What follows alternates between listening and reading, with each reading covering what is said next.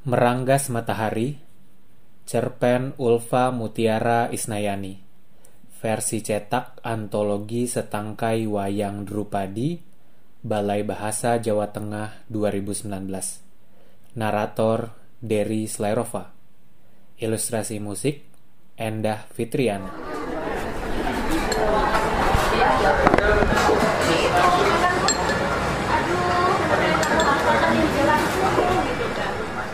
Suara denting perkakas makan dalam kedai kopi itu menandakan bahwa kedai tersebut sudah terisi pelanggan dan sedang buka. Nyatanya memang demikian. Beberapa orang tampak mengisi kursi kayu yang ditata mengitari meja bundar. Ada yang saling duduk berhadapan, beberapa bergerombol membahas sesuatu di tengah meja. Ada juga yang memilih duduk sendirian, menghadap jendela atau sibuk dengan pikirannya sendiri. Semua bebas menikmati hidangan di sini, dengan atau tanpa teman bicara. Wangi aroma penekuk yang tersaji di atas piring dengan balutan madu menggugah hidung siapa saja yang menciumnya. Selain itu, bau coklat yang khas dipadu dengan mentega leleh, mengusik kewarasan manusia-manusia yang lapar. Atau memang itu sebenarnya alasan tersembunyi mengapa tidak ada penutup seperti jendela kaca, atau pintu sebagai pembatas antara dapur dan tempat meja-meja berada. Seakan-akan mempersilahkan pengunjung menikmati aroma pembuatan makanan-makanan itu. Aroma biji kopi yang dipanggang di balik dinding masih saja sangat menggelitik hidung Amerta yang bertugas di balik kasir. Dengan sedikit erangan kesal, ia menggosok hidung dengan jari telunjuk, menghalau keinginannya untuk bersin.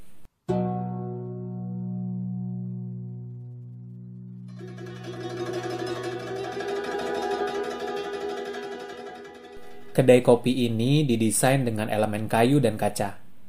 Lantai, tiang-tiang, dan perabotan terbuat dari kayu yang dipelitur agar mengkilap. Lampu berwarna kuning dibuat menggantung di langit-langit dengan lampion bulat, menghasilkan cahaya temaram saat kedai ini dibuka kala petang menjelang. Kasir terletak tepat di hadapan pintu masuk. Memang agak jauh ke dalam, namun bisa membuat pengunjung menikmati interior hangat sembari mencari meja yang akan mereka tempati.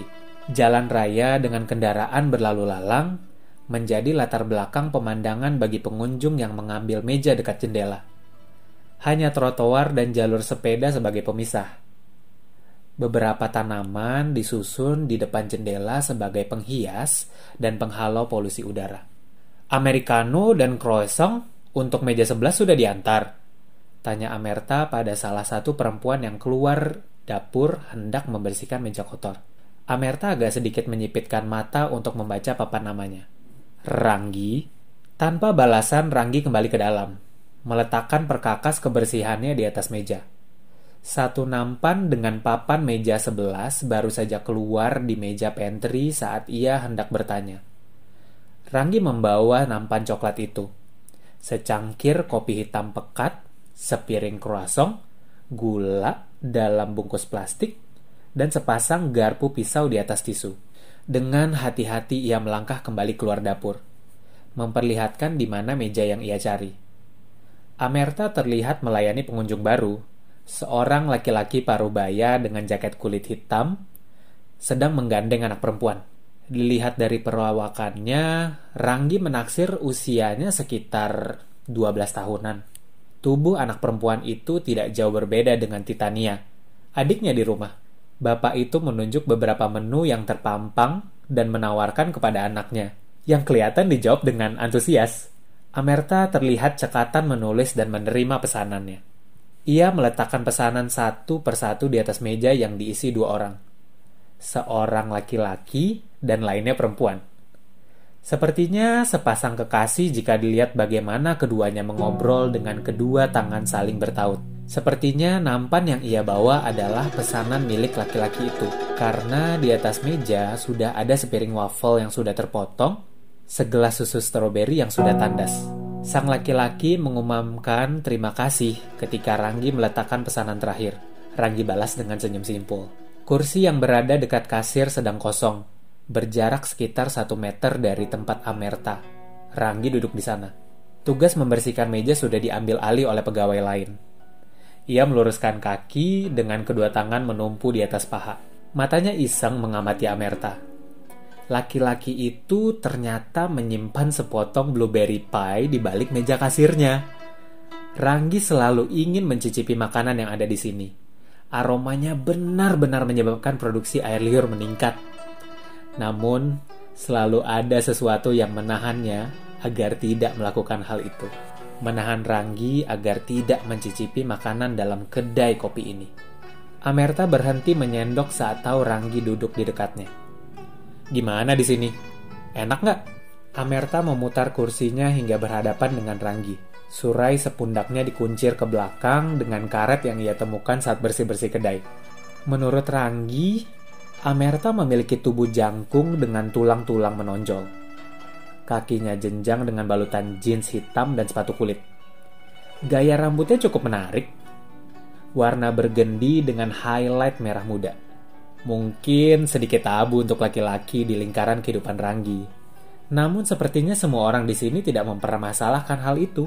Jadi ia sendiri juga tidak berani berkomentar macam-macam. Mengangguk malu-malu, Ranggi memainkan ujung kuku sebagai bentuk pengalihan. Iya mas, di sini tempatnya nyaman. Ada sorot mata dari Amerta yang tidak dapat dijelaskan oleh Ranggi sendiri. Ada rasa sedih di dalamnya, namun juga bercampur dengan bahagia. Lain lagi terdapat percikan kekhawatiran. Semua rasa teraduk di dalam satu tatapan sehingga Ranggi tidak dapat menebak mana yang benar. Hening keduanya membuat udara di sekitar Ranggi ikut menjadi kedap suara. Seluruh atensinya tertarik kepada sosok Amerta. Tidak ada bunyi garpu yang beradu dengan kudapan, tidak ada suara mesin kopi, tidak ada suara mentega meleleh di atas penggorengan, hanya suara degup jantung dan hembusan nafas yang tertangkap telinga. Yang ia sadari itu semua adalah suara dari dalam dirinya.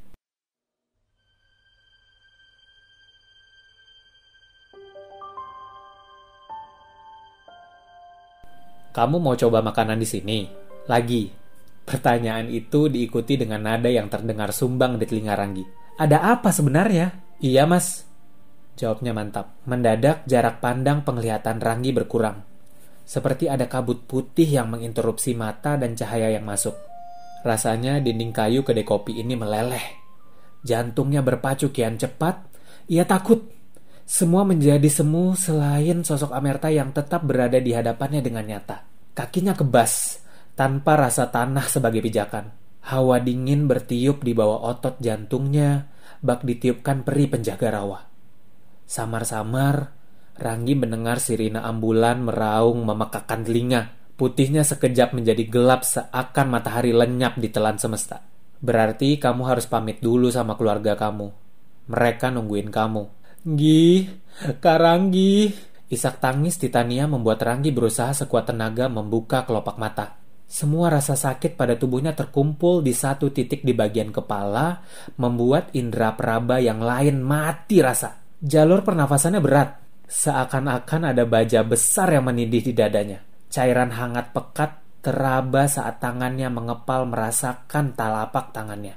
Memori-memori lama berputar di hadapannya jauh sebelum ingatannya pada kedai kopi hangat tersebut. Dibandingkan film lama yang rusak, ia melihat memori-memori tersebut seperti daun-daun jati yang meranggas kala kemarau, berguguran lalu sirna sebelum menyentuh dasar.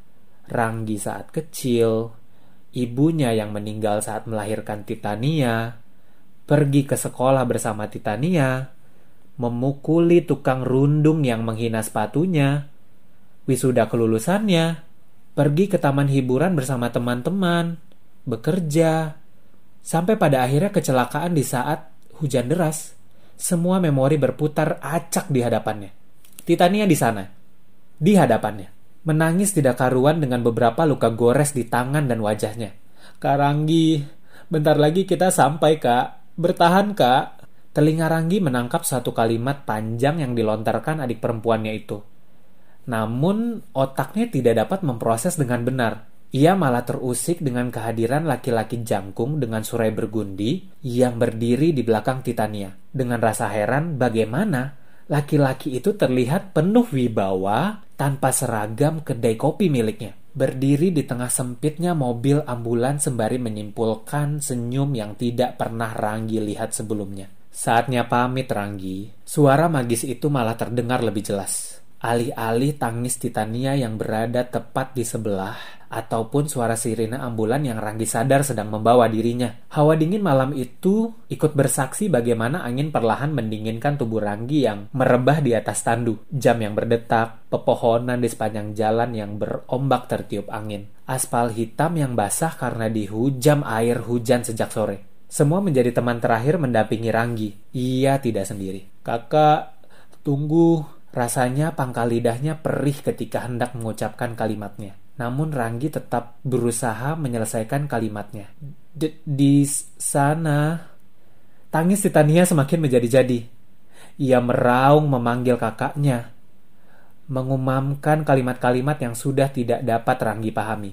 Meyakinkan kakaknya dan dirinya bahwa masih ada waktu untuk perjalanan mereka ke rumah sakit. Namun, waktu tetaplah fana bagi setiap manusia ia tetap ide tanpa wujud yang abstrak dalam hidup. Meski semua filsuf sudah mengkajinya ratusan bahkan ribuan tahun, walau tidak bisa dibeli, tiap manusia memegang kendali untuk waktunya sendiri. Semua yang fana tidak berhak kekal di atas hamparan bumi.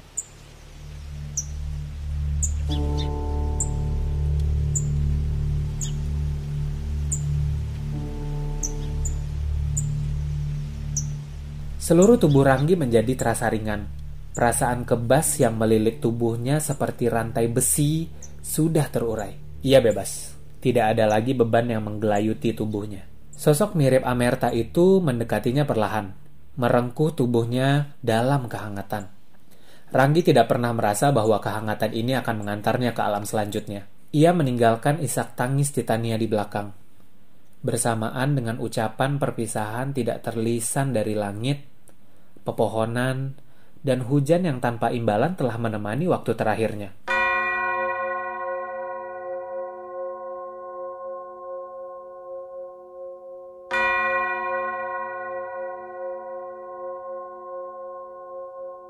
Suara lonceng terdengar saat ia melangkahkan kaki ke dalam kedai kopi itu. Keadaan masih agak sepi, dengan sedikit mobil yang berlalu lalang di jalan raya. Hari masih pagi, namun aroma roti yang dipanggang sudah memenuhi ruangan. Tidak lupa aroma manis gula yang dipadu dengan aroma lain dari kopi menghasilkan perpaduan yang membuat perut keroncongan. Langkahnya mantap menuju kasir yang sedikit jauh ke dalam. Lantai kayu yang ia pijak sedikit berdecit akibat tekanan dari sepatunya. Ia mengedarkan pandangan ke seluruh penjuru kedai. Karena masih pagi, tidak banyak orang yang mengisi meja. Ada meja kosong yang dekat dengan dapur, menghadap ke dalam ruangan. Sepertinya ia akan mengambil meja yang itu sambil menikmati suasana kedai. Pandangan matanya kembali menghadap depan. Di balik meja kasir, seseorang menunggu kedatangannya. Masih dengan surai bergendi, kali ini dengan highlight hijau toska. Ia bertaruh terdapat sepiring coklat mus bersembunyi di balik kasir. Aroma amerta dengan senyum merekah menyambut pelanggan barunya. Selamat datang Ranggi. Mau pesan apa?